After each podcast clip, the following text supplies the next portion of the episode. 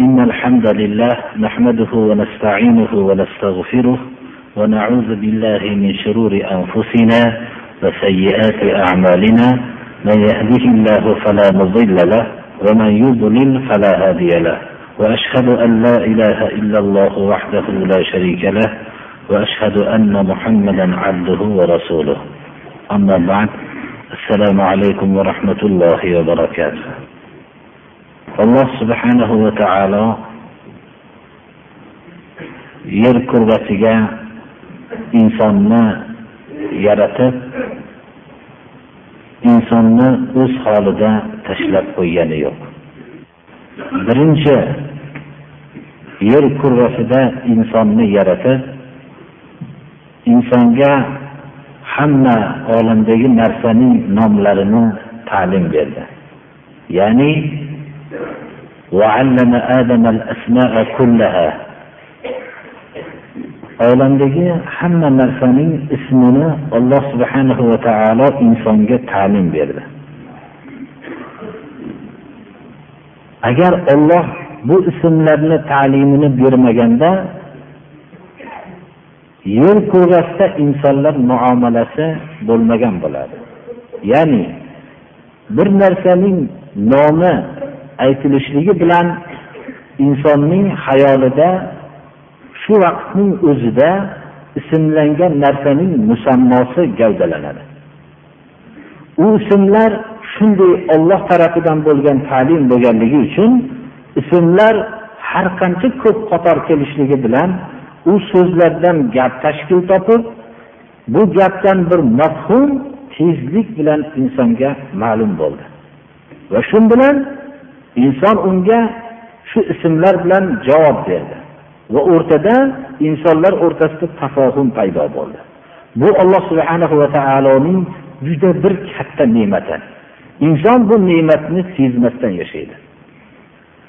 Biror bir inson ikkinchi bir inson bilan ko'rmagan holatda muomala qiladigan bo'lsa u ismlar shaklini ifodalovchi harflar bilan bir xat deb atalgan narsani yozadida va u narsa oluvchi kishining qo'lida o'qilish bilan uning mafhumi namoyon bo'ladida unga shu xat deb atalgan narsaning shakllari bilan javob beradi o'rtada yana tafohum paydo bo'ladi nun val qalami va ma yasturun اقرأ باسم ربك الذي خلق خلق الإنسان من علق اقرأ وربك الأكرم الذي علم بالقلم علم الإنسان ما لم يعلم alloh subhanahu va taolo insonni o'qishlikka buyuryapti o'zining tarbiyat kunandasining ismini yod qilib tarbiyat kunandasiga yaratuvdi yaratish ham insonni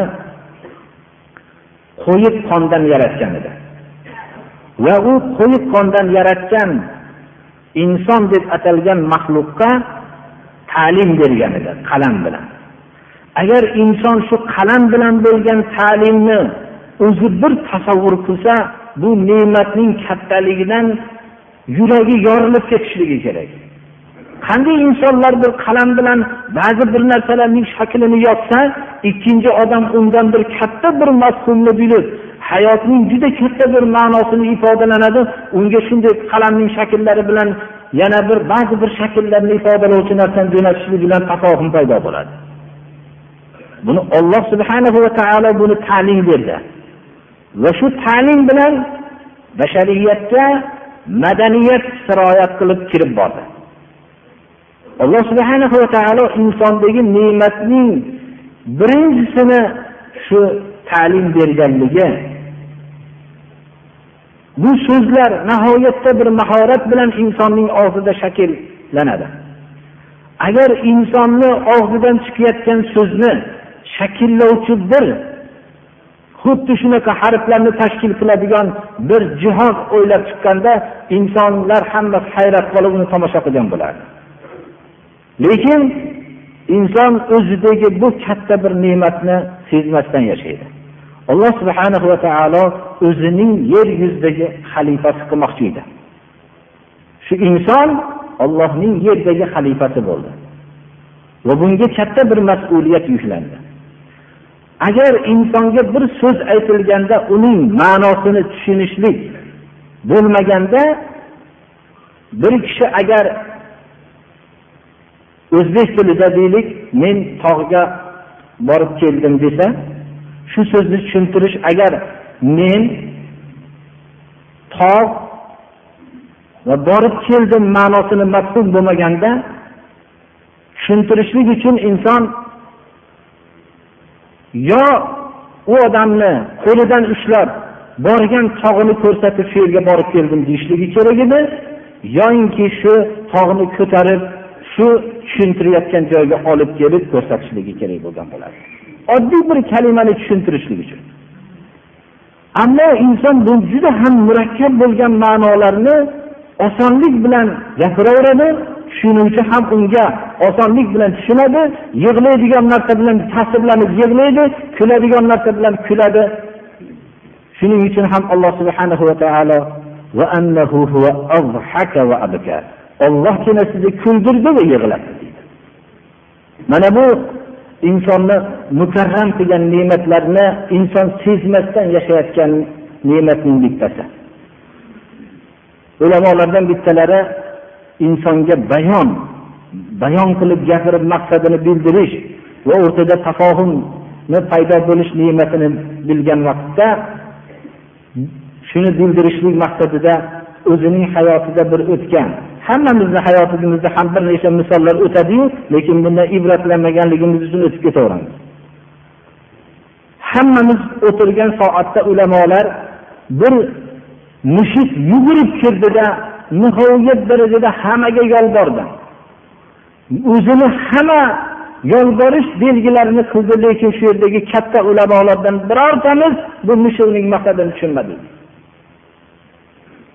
Shunda bir oddiy bir kishi shu mumkinki chanqaganligi uchun biror bir suv so'rayotgan bo'lsa deb suvni olib kelganda u suvga u tashnalik bilan suvga tashlanib suvni ichib minnatdorchilik alomatlarini bildirib chiqib ketdi deydi. Agar insonga ham bayon ilmi berilmagan bo'lganda hayotidagi bitta ehtiyojini bildirishlik uchun qancha bir harakatlar kerak bo'lgan bo'lardi. Alloh subhanahu va taolo bu bilangina bizni qo'yib qo'ymadi.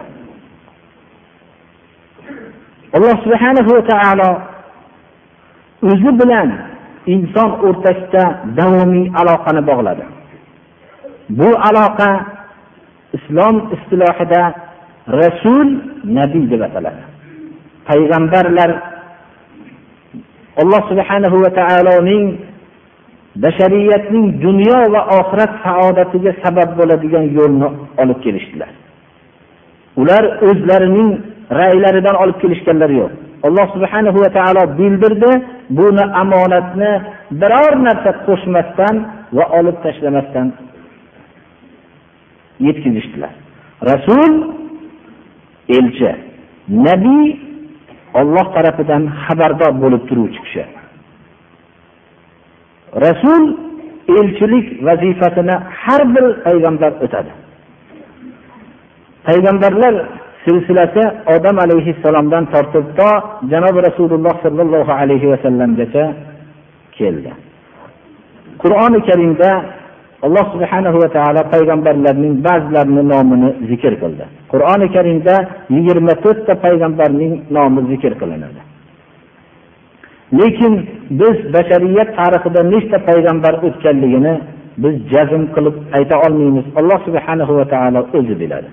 Chunki alloh subhanahu va taolo minhum man qasasna alayka va minhum man lam naqsushum alayk ba'zilarini sizga qissa qilib berdik ba'zilarini qissa qilib bermadik deyapti muhammad alayhissalomga alloh taolo. Demak alloh subhanahu va taolo avvali insoniyatdan tortib janobi rasululloh sollallohu alayhi vasallamgacha payg'ambar jo'natdi. Oxirgi payg'ambar janobi rasululloh sollallohu alayhi vasallam bo'ldilar. Bu mo'jiza hammamizga ma'lum. Biror bir payg'ambarimiz sollallohu alayhi vasallamdan keyin bir ming to'rt yuz yildan ko'p muddat o'tganda bir payg'ambarlikni davo qilgan bir odam chiqmadi. Bu mo'jiza oxirgi payg'ambar degan mo'jizani ham isbotlanadi. Juda oddiy yo'l bilan bo'lgan isboti mabodo bir da'vo qilgan bo'lsa uning kazzobligi nihoyatda bir sharmandalik holatida e'lon bo'lib ketdi. Rasululloh sollallohu alayhi vasallamning alloh subhanahu va taolo butun olamga rahmat qilib jo'natdi. Bu kishi avvalda atroflardagi arab xalqlarini da'vat qildi. Keyin tamomiy yer kurrasidagi bashariyatni olloh yo'liga da'vat qildilar butun yer kurrasidagi katta hukmdorlarga maktub yo'lladilar. Ollohni yo'lini tavhid yo'lini tushuntirdilar. Bu da'vatning avvali har darsimizda takror aytganimizdek tavhid la ilaha illalloh kalimasiga chaqirdilar. Yer kurrasida koinotda sig'iniladigan yagona ma'bud alloh subhanahu va taolo deb chaqirdilar. U kishi bilan payg'ambarimiz sollallohu alayhi vasallam bilan butun xalqlar o'rtasidagi husumat takror aytamiz ollohni inkor qilishlik husumat emas edi. Ollohni inkor qilishmasdi ollohni o'ldiruvchi deb bilishardi. Ollohni tiriltiruvchi deb bilishardi. Ollohni rizq beruvchi deb bilishardi. Ollohni koinoti yerni boshqaruvchi deb bilishardi. Ammo ibodatda ya'ni ibodat ma'nosini hammamizga tushunarli duodan tortib to alloh subhanahu va taolo o'zi jo'natgan shariatda ko'rsatgan ibodatlar turlarigacha bo'lgan ibodatlarni yakka ollohga qilishlikka payg'ambarimiz sollallohu alayhi vasallam va o'tgan payg'ambarlar chaqirishdilar. Mushriklar buni qabul qilishmasdilar. O'rtalarida husumat kelishmovchilik shu masalada bo'ldi birodarlar. Va mushriklar qarshi chiqishdi. Payg'ambarimiz sollallohu alayhi vasallamni sehrgar julum shunga o'xshagan ko'p yomon sifatlar bilan sifatlashdilar. Vaholanki qirq yoshlargacha u kishini muhammad amin deb laqablashardilar. Ya'ni sodiq va amin omonatli kishi deb bilishardilar. Payg'ambarimiz sollallohu alayhi vasallam xalqlarning ozorlariga sabr qildilar. Alloh subhanahu va taolo fasbir li hukmi robbika ولا تطع منهم آثما أو كفورا siz rabbingizni hukmiga sabr qiling degan inson hayotda xohlasa ham sabr qilib yashaydi xohlamasa ham sabr qilib yashaydi xohlasin xorlik yo'lida sabr qilib yashaydi xohlasa azizlik yo'lida sabr qilib yashaydi hayotda odamlarga sig'inib yashayotgan kishilar xorlik yo'lida sabr qilib yashashyapti ollohni hukmiga sabr qiling degan buyruqqa rasululloh sollallohu alayhi vasallam itoat qilib sabr qildilar. Jinoyatchi nonko'r kofirlarga itoat qiling degan buyruqqa bo'ysunib yashadilar. O'n uch yil muddatda makkada tavhidga da'vat qildilar. U kishiga ergashganlar ham azobu uqubatni birga ko'tarishdilar. Rasululloh sollallohu alayhi vasallamni va ashoblarni alloh taolo buyurdi makkadan madinaga hijrat qilishlikka. Ana u yerda makkadan madinaga hijrat qilib tavhid o'zlarining asosidagi hukmlarini barpo qildilar. Va shu bilan butun olamdagi hali aytib o'tganimizdek hukmdorlarga maktub yo'lladilar. Maktublari mana aslim taslam ya'ni islom keltirgin salomat bo'lasan dunyoda ham oxiratda ham va senga alloh subhanahu va taolo ikki ajr beradi. O'zingni ergashganing ajri va senga tobe bo'lganlarning sen ergashganliging sababli bo'lgan ajrini beradi deb ikki ajrni hukmdorlarga va'da qildilar. Haqiqatda ham bir kishi o'zining qo'l ostida ba'zi bir kishilar bo'lsa u odam bir yo'lga ergashishligi bilan unga ergashgan odamlar ham shu haqiqatga ergashib ketadi. Shuning uchun ajrni ikkita va'da qildilar. Rasululloh sollallohu alayhi vasallam da'vatlarining hammasi umuman tavhid asosiga bo'lgan birodarlar. Biz shu yerda bir ikki kalima rasululloh sollallohu alayhi vasallamning biz avval muhabbatlarini davo qilganimizdan keyin bu muhabbat uchun o'lchov hammamizga ma'lum bo'lgandek qul in kuntum tuhibbunalloha fattabi'uni yuhibbukumullohu va yaghfir lakum zunubakum vallohu g'afurur rahim. Allohning muhabbatini hamma da'vo qiladi. Lekin bu da'vo til bilan bo'lmaydi. Ollohni yaxshi ko'raman degan kishilarga ayting deyapti alloh subhanahu va taolo menga ergashinglar deyapti. Kim rasululloh sollallohu alayhi vasallamga ergashsa o'zining ollohni muhabbatini davo qilgan davosida sodiq kishidir. Bo'lmasam kozibdir olloh shunday sizlarni yaxshi ko'radi va gunohinglarni mag'firat qiladi. Olloh kechiruvchi va mag'firat qiluvchi rahmdil zotdir. Undan tashqari rasululloh sollallohu alayhi vasallamga bo'lgan muhabbat mizojiy masala bo'lib qolmasligi kerak. ya'ni bu xohlasa qiladigan xohlamasa bo'lmaydigan kishi bo'lmasligi modomiki iymonni davo qilsak لا يؤمن أحدكم حتى أكون أحب إليه من والده وولده والناس أجمعين imom buxoriy va imom muslim rivoyatlari sizlarni bittalaringlar iymon keltirgan bo'lmaydi hatto men otasidan farzandidan hamma odamlardan unga suyumli bo'lmasam dedilar mana bu muhabbat mizojiy masala bo'lmasligi kerak. Iymon masalasi. Rasululloh sollallohu alayhi vasallamni haqiqiy yaxshi ko'rishlikni belgisi birinchi u kishi olib kelgan ollohning kitobiga bo'lgan amal va u kishining sahih hadislariga bo'lgan amaldir.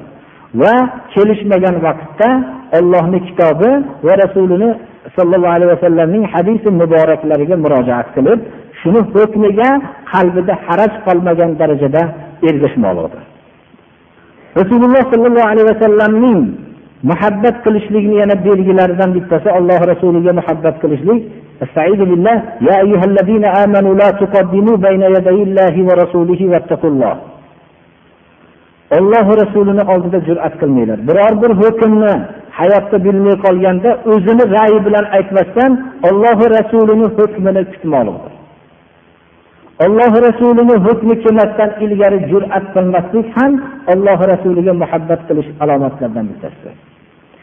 Payg'ambarimiz sollallohu alayhi vasallamga muhabbat qilishlik alomatlaridan asosiysi u kishining vasiyatlarini qilishlikdir. Agar rasululloh sollallohu alayhi vasallamning vasiyatlarini biz dadamiz qilgan vasiyatni bajargancha agarki hayotda u kishining dadalarimizni hurmat qilolmasdan o'tgan bo'lsak ham volidalarimizni hurmat qilmagan bo'lsak ham ammo bular vasiyatlari xususan ra'yimizga to'g'ri kelib qolsa juda ham mahkam ushlaymiz shu vasiyatlarini dadamizni vasiyatini ushlagancha ushlagan bo'lganimizda biz juda katta bir musulmoni komil bo'lib ketgan bo'lardik. Rasululloh sollallohu alayhi vasallamning vasiyatlarini mahkam ushlashlik bu vasiyatlarni birinchi bilishlikka bog'liqdir. u kishining vasiyatlaridan ba'zisini o'qib bermoqchiman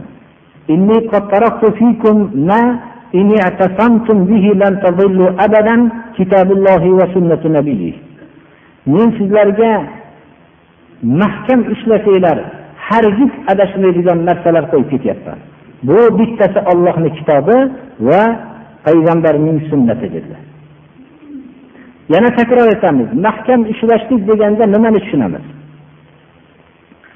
Agar bir kishi bir kishining vasiyatini yozib bergan bo'lsa mahkam ushlashlik nima? Qo'ltig'iga qistirib olishlikmi? Yo beliga bog'lab olishlikmi? Yo uyining eng to'risiga qo'yib qo'yishlikmi? Yoinki uni har kuni ushlab o'tib turishlikmi? Vasiyatni mahkam ushlashlik degan vaqtda biz boshqa narsaga solishtirsak tushunamiz qolamiz. Albatta bu vasiyatni amal qilish ba'zi vasiyatlarni biz yozolmaymiz birodarlar. Bu vasiyatlarni og'zaki eshitamizu bu vasiyatni mahkam ushlagan kishi deb shuni vasiyatni qilib yurgan kishini aytamiz. Mana bizni ummat payg'ambarimiz sollallohu alayhi vasallamning shu vasiyatini mutlaqo ushlamagan ummat deb atasak olloh saqlaganlar mustasno to'g'ri bo'ladi. Ollohni kitobi muhammad alayhissalomning sunnatini hech bu vasiyatni ushlamagan mahkam ushlamagan ummat. mahkam ushlash bunga amal qilish birodarlar عليكم بسنتي وسنة الخلفاء الراشدين المهديين تمسكوا بها أحمد بن حنبل rivoyatlari meni sunnatimni mahkam ishlanglar xulafoi roshidin mahdiyin hidoyatda bo'lgan to'g'ri yo'ldagi xalifalarning sunnatini mahkam ushlanglar takror aytdilar mahkam ushlanglar dedilar biz shuning uchun har qanday odamning so'zini rasululloh sollallohu alayhi vasallamning sunnatlari va xulafoi roshidin yo'liga taqqoslaymiz to'g'ri qabul qilamiz bo'lmasa devorga uramiz mana bu hozirgi vaqtda ham ba'zi kishilar tomonidan o'ylab chiqilayotgan yo'llar bu xulafoi roshidinni yo'li emas birodarlar. Biz bu xulafoi roshidinni yo'liga to'g'ri kelmagan yo'lni zalolat deyishlikda shak shubha qilmaymiz mana shunday bo'lmoqligimiz kerak. Chunki bu vasiyatlar rasululloh sollallohu alayhi vasallamning vasiyatlari. Biz muhabbatni davo qilganmiz u kishiga. Payg'ambarimiz sollallohu alayhi vasallamning vasiyatlaridan qizlariga qilgan vasiyat bu hammamizga ibrat bo'lmoqligi. Ya fatimatu binta muhammad salimi min mali ma shi'ti la ugni anki minallohi shay'an.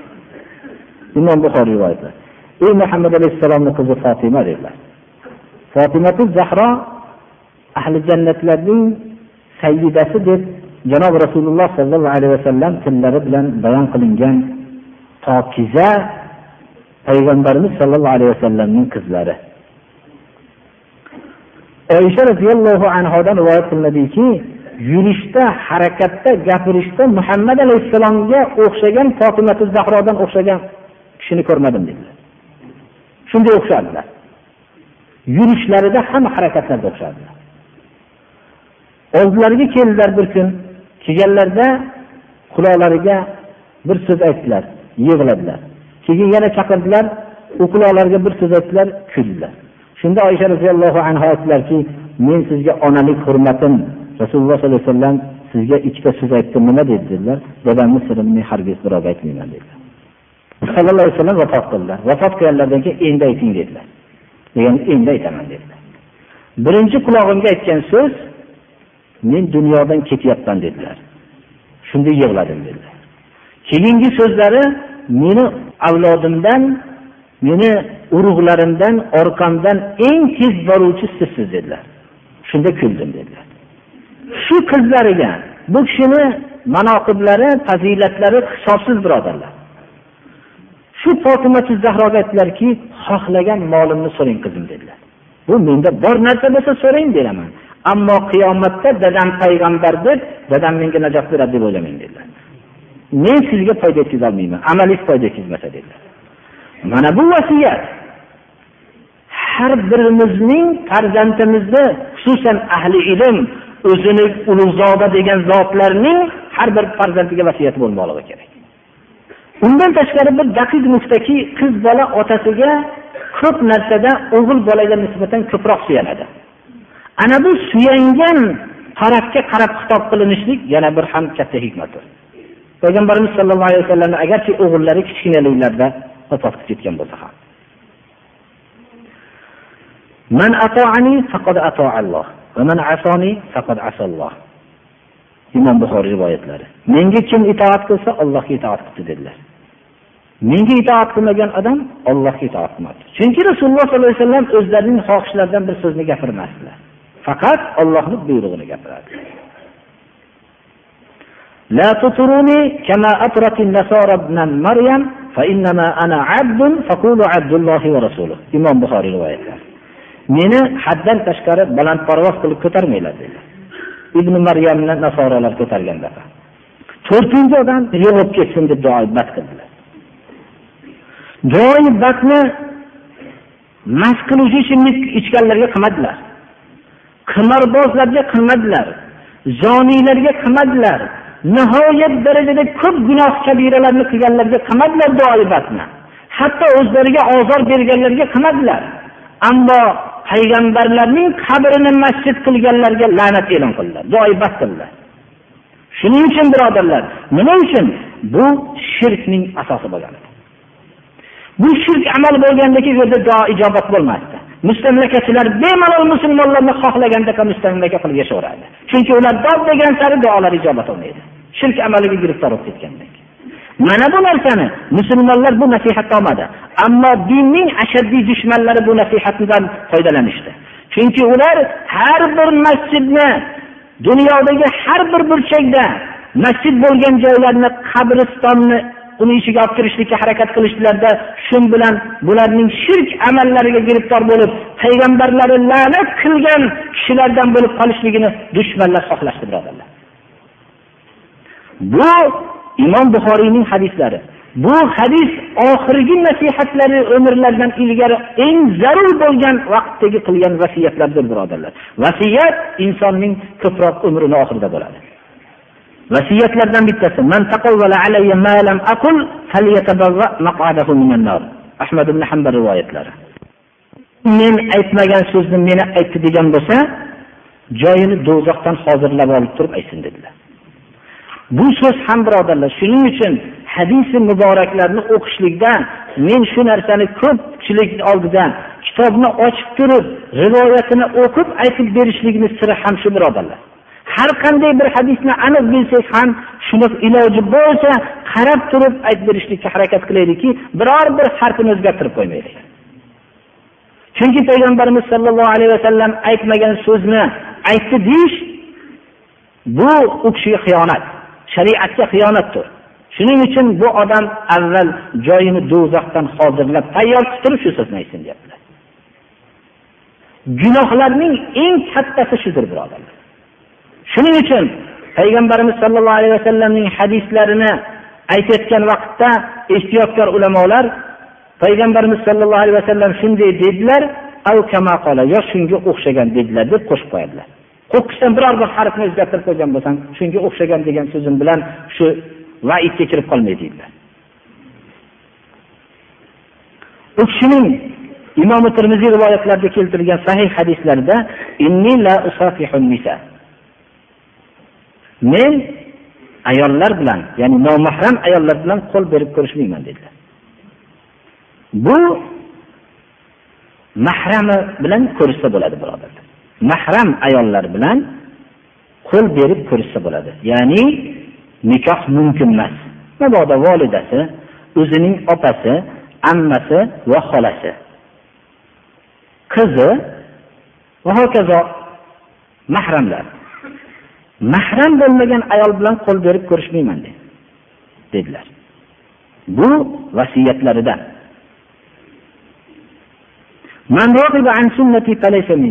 Meni sunnatimdan bosh tortgan kishi mendan emas dedilar. Payg'ambarimiz sollallohu alayhi vasallamning sunnatlarini masxara qilib qo'yishlikdan ehtiyot bo'lmoqligimiz kerak. Meni sunnatimdan bosh tortgan odam mendan emas dedilar. Chunki o'zi u kishining yo'lini tutmagan odam bu yo'l ma'qul bo'lmagan odam. Payg'ambarimiz sollallohu alayhi vasallam o'zlarining bezorliklarini e'lon qildilar. Va yana vasiyatlardan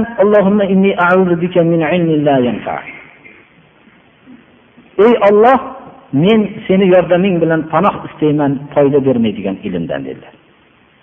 Ilm agar foyda bermasa birodarlar ilm shariat tarafiga yurgizmasa insonni bu ilmdan to'ng'iz go'shti yeyishlikdan panoh istagandek mast qiluvchi ichimlikdan panoh istagandek mana bu xudoyo o'zing saqlagin bunday ilmdan demoqligimiz kerak. Ilm insonni halokatdan chiqarib saodat yo'liga yo'llaydigan bo'lmoqligi kerak. Mana bu ham rasululloh sollallohu alayhi vasallamning vasiyatlaridan imom muslim rivoyat qilganlar buni. Avvalgi man an sunnati falaysa minni muttafaqun alayh. Imom buxoriy va imom muslim rivoyat qilganlar man amila amalan laysa alayhi amruna fahuva raddun. Bizni yo'limiz bo'lmagan ishni qilgan odamni ishi marduddir. Ya'ni hech qanday undan manfaat yo'q. Imom muslim rivoyat qilganlar. Maqbul emas ya'ni. Rasululloh sollallohu alayhi vasallamning vasiyatlaridan bittasi shudir. Payg'ambarimiz sollallohu alayhi vasallamning hadislarida kelgan biz hamma so'zlarini sahih rivoyatlarda kelganlarni tasdiqlamoqligimiz kerak. Shu o'rinda payg'ambarimiz sollallohu alayhi vasallam bizlarga olib kelgan yo'llarni ichida biz ko'proq bu haqda bir munoqasha qilmagan darsimizdan bittasi alloh subhanahu va taoloning ba'zi sifatlari qur'oni karimda va hadisi muborakda kelgan sifatlarni albatta biz tasdiqlamoqligimiz kerak. Kayfiyatini ya'ni qanday bu sifatni kayfiyat holatini alloh subhanahu va taolo o'zi biladi. O'zining zotiga loyiq suratdadir deb bilmoqligimiz kerak. Qur'oni karimda ollohni qo'li odamlarning qo'lini ustida bayat o'rnida kelgan. Demak yadni isbot qildimi? Biz ham yadni isbot qilamiz. Yad ya'ni o'zbek tilida qo'l degani. Lekin u qo'l biz ko'rgan maxluqlardagi qo'lga o'xshagan deb bilmaymiz. Bu qo'l qanaqaligi o'zining ulug' zotiga loyiq bo'lgan yad ya'ni qo'li bor deb isbot saq kalimasi ya'ni bizda boldir deymiz. Biz ko'rgan boldir emas. Alloh subhanahu va taoloning zotiga loyiq bo'lgan soq ya'ni boldirni isbotlamoqligimiz kerak. Xullas qur'oni karimda va hadisi muborakda sobit bo'lgan sifatlarni isbotlaymiz kayfiyatini bilmaymiz. Tushunarli bo'ldi? Agar mana shu sifatlarni isbotlamaslik juda bizni yomon oqibatga olib boradi. E'tiqodimizga putur yetkazadi. Mana bu sifatlardan bittasi alloh subhanahu va taolo o'zining samo ya'ni osmonda ekanligini bayon qildi. Qur'oni karimda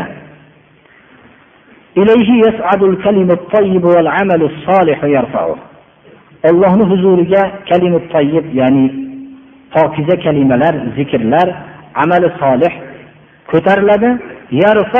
Olloh o'zi uni ko'taradi. osmondagi zotdan xotirjammisizlar demak nas qur'oni karim bizga alloh subhana va taoloning samo osmonda ekanligini bayon qilyapti. Lekin biz u kayfiyatini bilmaymiz. Samo oliylikdan kinoyadir. Ya'ni yuqori oliylikdan kinoyadir. Payg'ambarimiz sollallohu alayhi vasallam mana muttafaqun alayhi hadisda ala ta'manuni va ana aminu man fis samai? menga ishonmaysizlarmi? Men osmondagi zotning amonatdor kishisiman dedilar. Demak bu hadislar sahih hadislar muttafaqun alay bo'lgan hadisda sobit bo'lyapti. Biz bunga e'tiqod qilmoqligimiz kerak.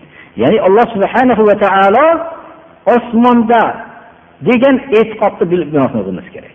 Lekin kayfiyat qanday kayfiyati bizga ma'lum emas deb bilmoqligimiz shu o'rinda abu hanifa rahimaulloh ba'zi so'zlarni keltiraman abu hanifa rahimaulloh aytgan ekanlar aqidati tahoviyani sharhida من قال لا أعرف ربي في السماء أو أم في الأرض فقد كفر لأن الله يقول الرحمن على العرش استوى وعرشه فوق سبع سماوات فإن قال إنه على العرش ولكن يقول لا أدري العرش في السماء أو أم في الأرض. قال هو كافر لأنه أنكر أنه في السماء. فمن أنكر أنه في السماء فقد كفر لأن الله أعلى عليين وهو يدعى من أعلى لا من أسفل.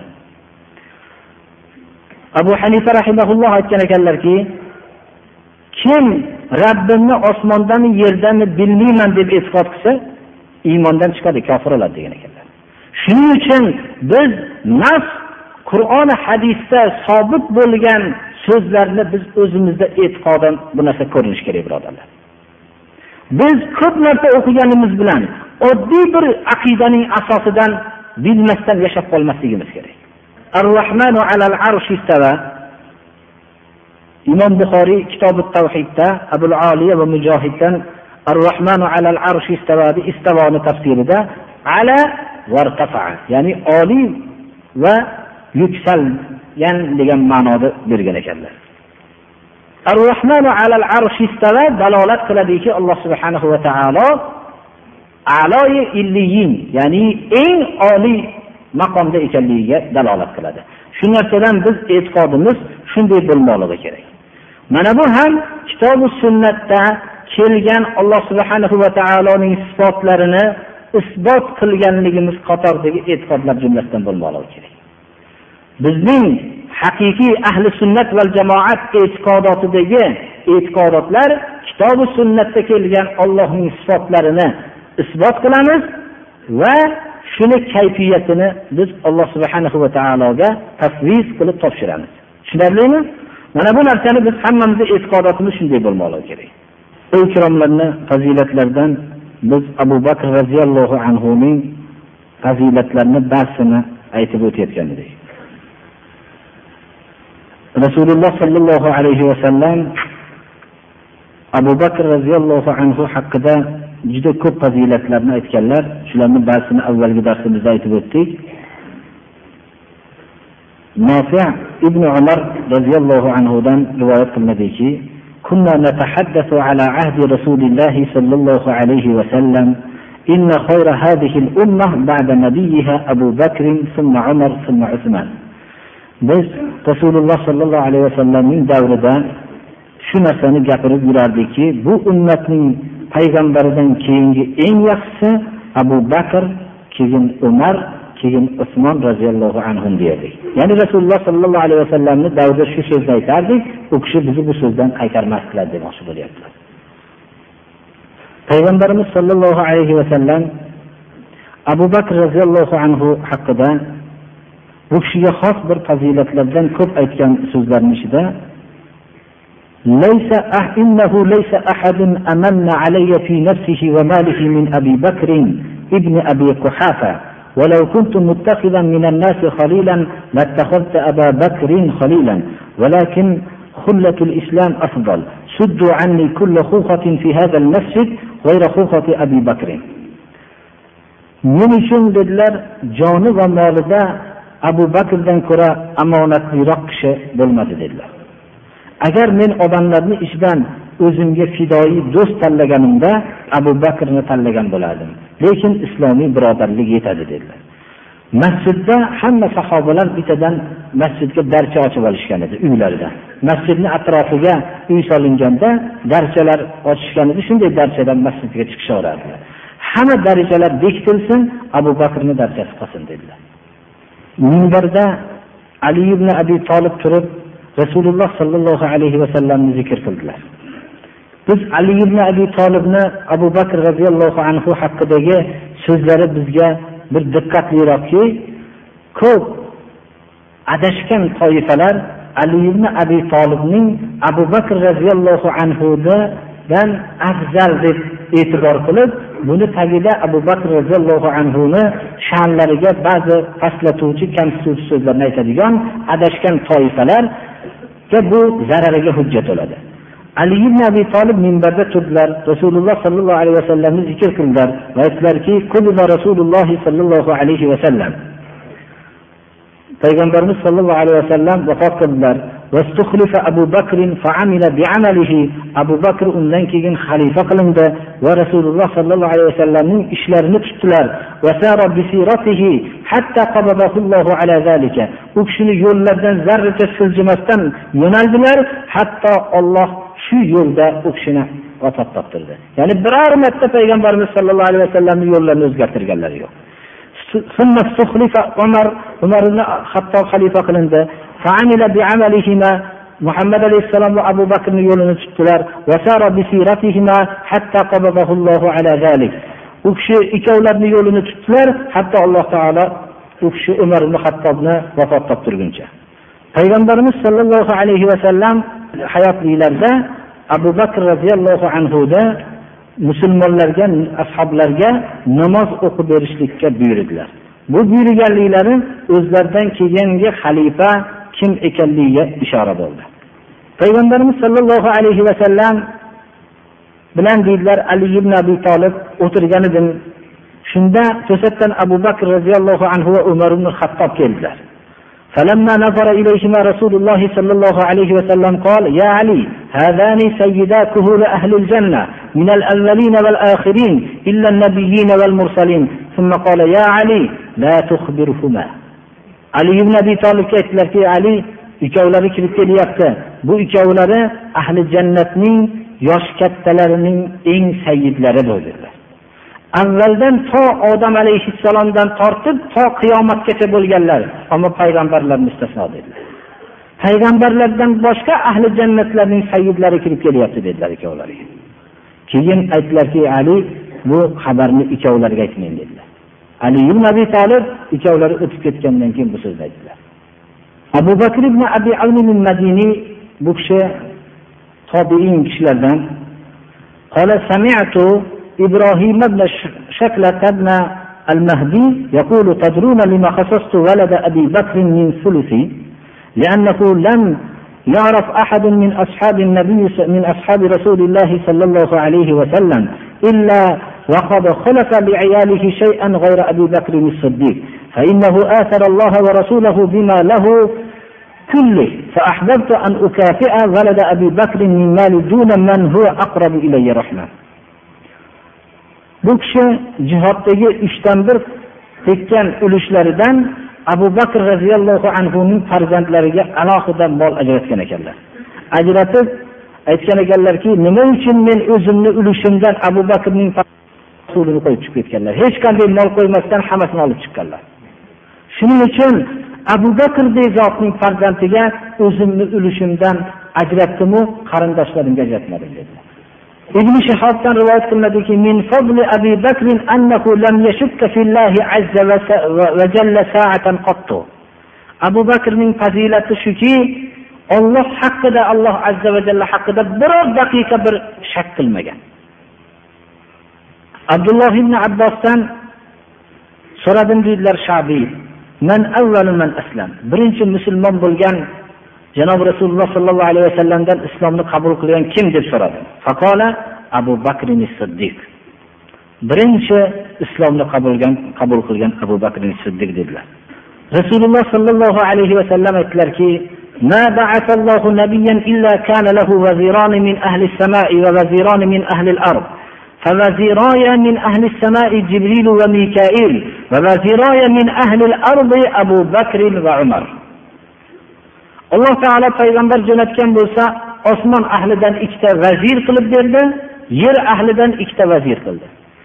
Meni osmon ahlidan ikkita vazirim jibril va mikoil alayhissalom dedilar. Yer ahlidan bo'lsa abu bakr umar dedilar.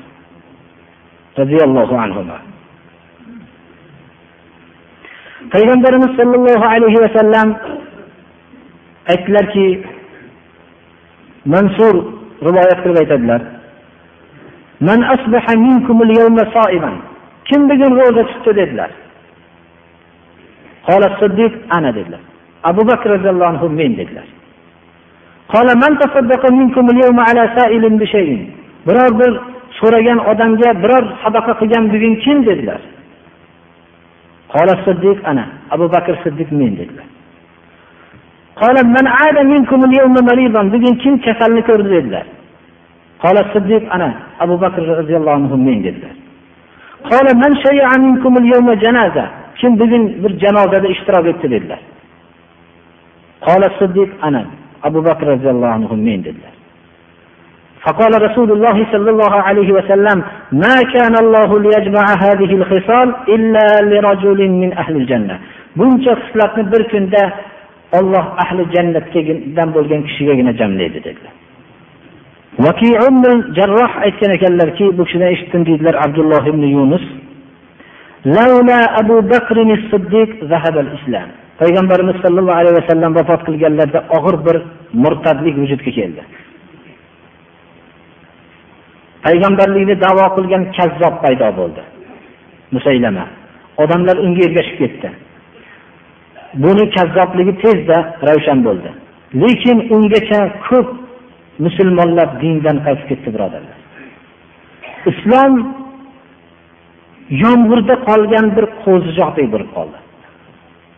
Hamma atrof muhammad alayhissalom vafot qildi deb endi bu dinni qutuldik deb o'zi iymon keltirganlar g'animat uchun dunyo uchun iymon keltirganlar dindan qaytib ketdi. Islomni holi juda og'ir bo'lib qoldi.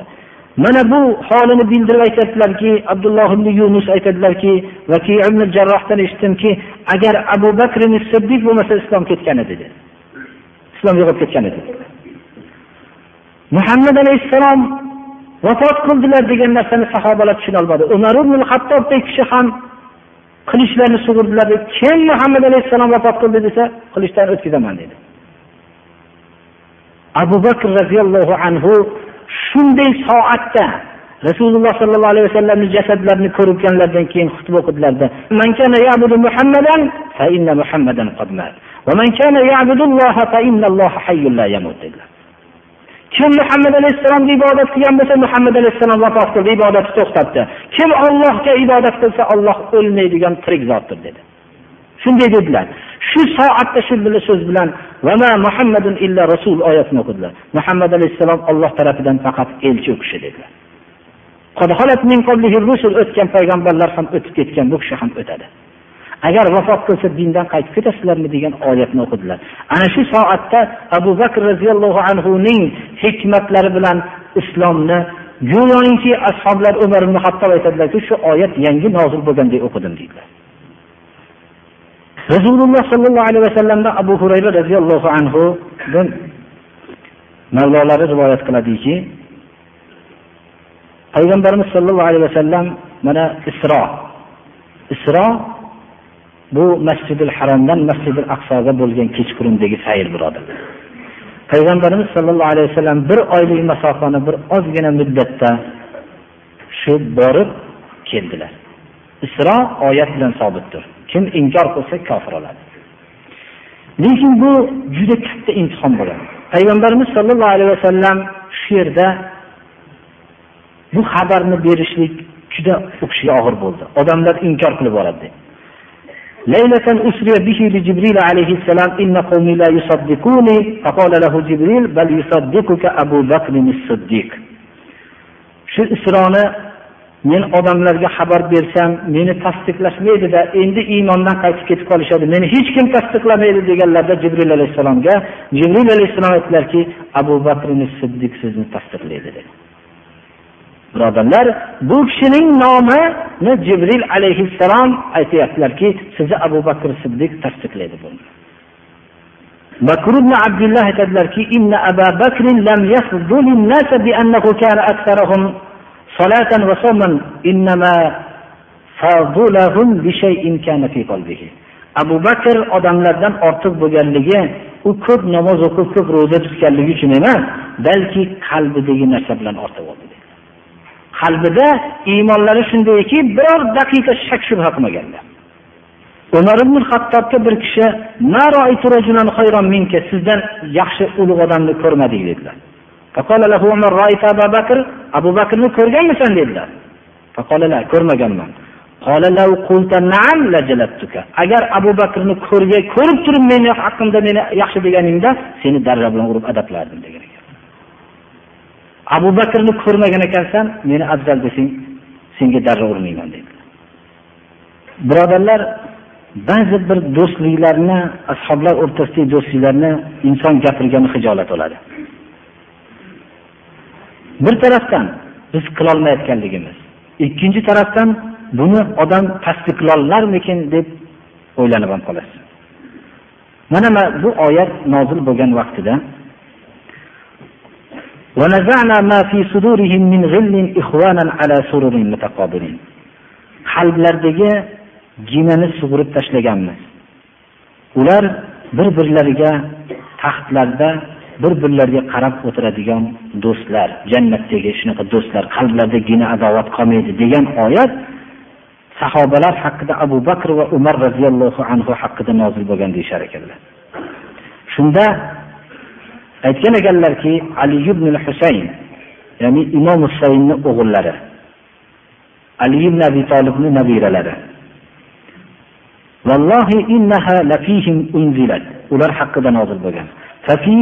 من نزلت إلا فيهم قلت وأي غل هو so'radikki bu g'il nima g'il ya'ni asli ichkarida turadigan bir gina kuduratda aytamiz ko'proq insonning yon biqin tarafida turgan odamzod ko'proq haligi gina adovatni mana bu joyga joylashligiga kinoya qilinadi قال bu g'il gina nima g'illul jahiliya إن بني تيم وعدي وبني هاشم كان بينهم في الجاهلية bani taym bani adi bani hoshim qabilalarini o'rtasida johiliyat davrida adovat bo'lgan edi bular islomni qabul qilganda bir birlariga shunaqa muhabbat paydo bo'ldi فأخذت أبا بكر الخاصرة فجعل علي يسخن يده فيقمد بها خاصرة أبي بكر فنزلت هذه الآية abu bakr roziyallohu anhuni xosira oldi xosira ya'ni o'zining shu biqinida bir og'riq paydo bo'ldi og'riq paydo bo'lganligini birovga bildirmay turganida ali ibn abi tolib qo'lini qizdirib shu abu bakrni biqiniga qo'yardi ya'ni ichidagi bo'lgan shunday bir birlari bilan kirishib ketganki bir birlaridagi og'riqni birlari birlari sezadigan darajaga chiqib ketgan. Ularni qalblaridagi gina kudurat shu darajada ko'tarilib ketgan edi. Ali ibn abi tolibdan rivoyat qilingan yana avvalgi hadislarda muhammad ibn hanafiya bu kishi ali ibn abi tolibni o'g'illari bu kishi so'radilarki bu ummatda eng yaxshisi kim deb so'radim. Dadamdan deydilar muhammad ibn hanafiya ali ibn abi tolib roziyallohu anhudan. Rasululloh sollallohu alayhi vasallamdan keyingi ulug' kishi kim desam qola abu bakr. Keyin kim? dedim. Qola umar. Keyin kim? deb so'rashlikdan qo'rqdim. Dadamni ham shu navbatda bo'lishini orzu qilardim dadam to'rtinchi martabaga tushib ketarmikin? deb so'ramadim. Usmon usmon desalar keyin martabada bo'lib qolarmikin deb undan keyin sizmi dedim. Musulmonlardan bir kishi xolos dedilar.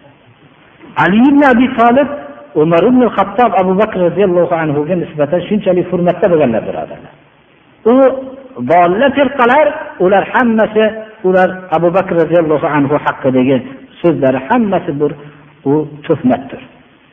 abu bakr roziyallohu anhuni mana hammamiz bilamizki ko'p qullarni ozod qilganlar bular ichida ozod qilgan qullarni ichida bilol roziyallohu anhu bittalari مر أبو بكر على أبي جهل وهو يعذب بلالا umayyat ibn halafni quli edi bu kishi abu jahlni oldidan o'tganda abu jahl ham azob berayotganligini ko'rdilar bilal roziyallohu anhu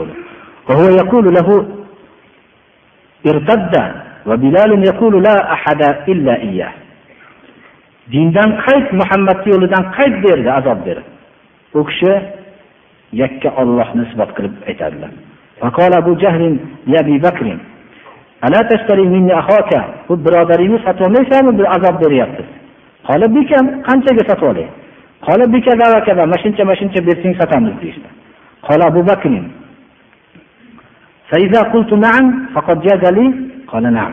ho'p desam shu bilan meniki bo'ladimi bu dedilar.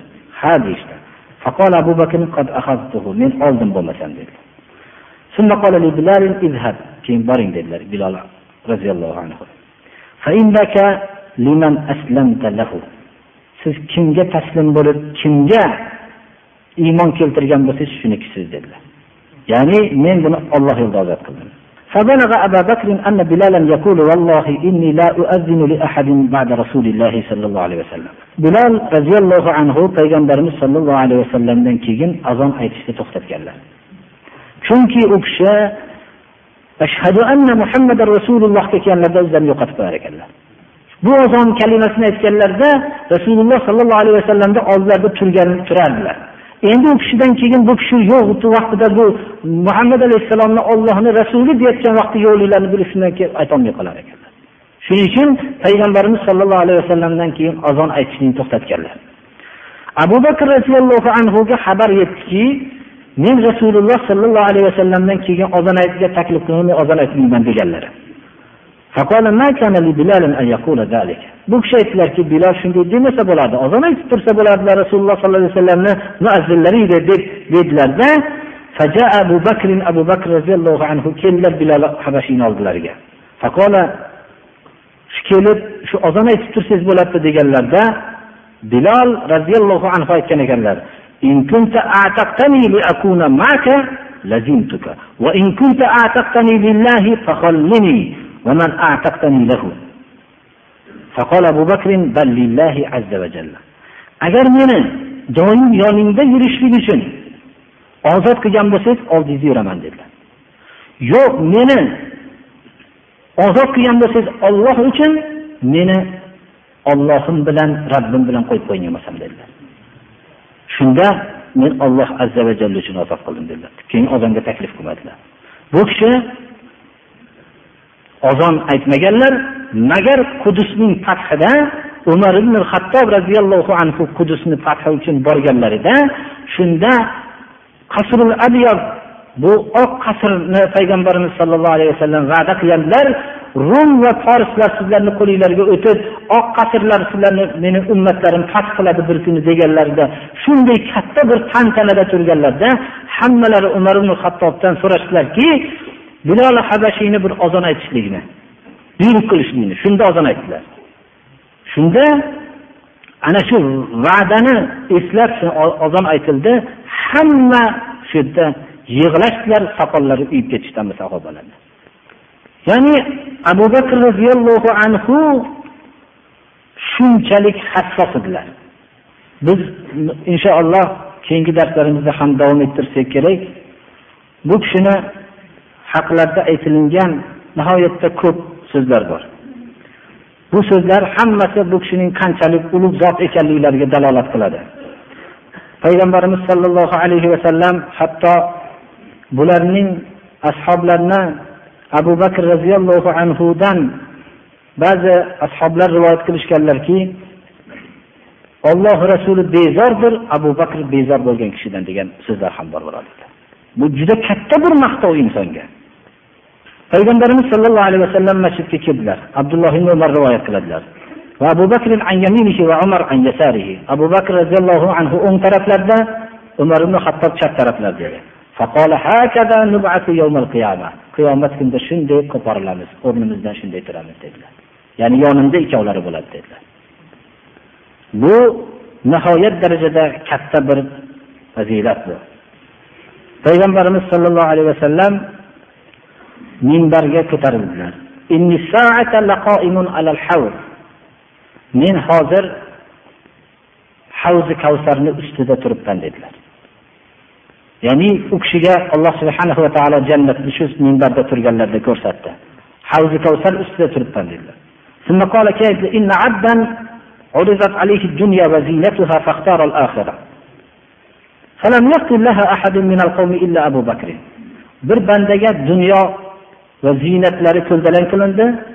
U kishi oxiratda ixtiyor qilib dunyoyu ziynatlarni ixtiyor qilmadi. Deganlarda bu so'zni va abu bakr roziyallohu anhu yig'ladilar. Shunda bu chol nimaga yig'layapti deb hamma sahobalar tushunadi deydilar har bir odamga dunyoviy ziynati ro'para qilinsa oxirati ro'para qilinsa oxiratda haqiqiy banda ixtiyor qiladida deganlarda shunda aytdilarki abu bakr roziyallohu anhu yig'lab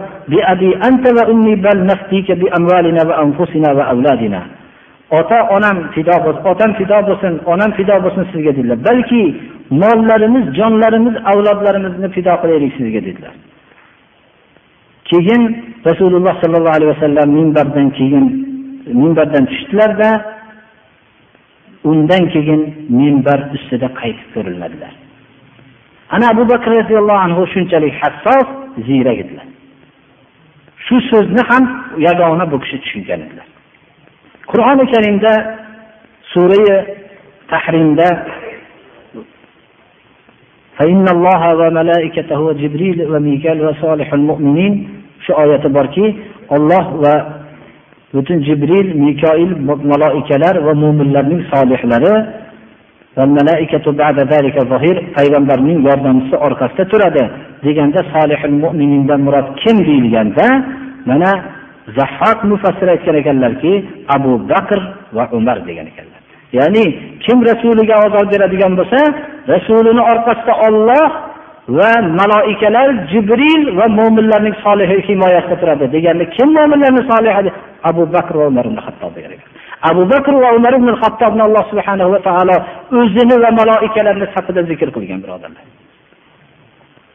alloh subhanahu va taolo mana solihlarni zikri bo'lgan vaqtda o'zining rahmatini nozil qiladi. Solih kishilarni eng ulug'lari sahobalar sahobalarni ichida eng ulug'lari mana abu bakr roziyallohu anhu.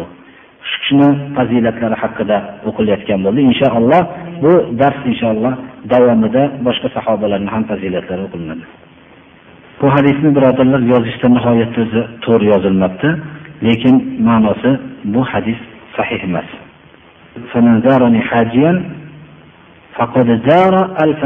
Degan ma'no bo'lsa kerak lekin bu hadis emas.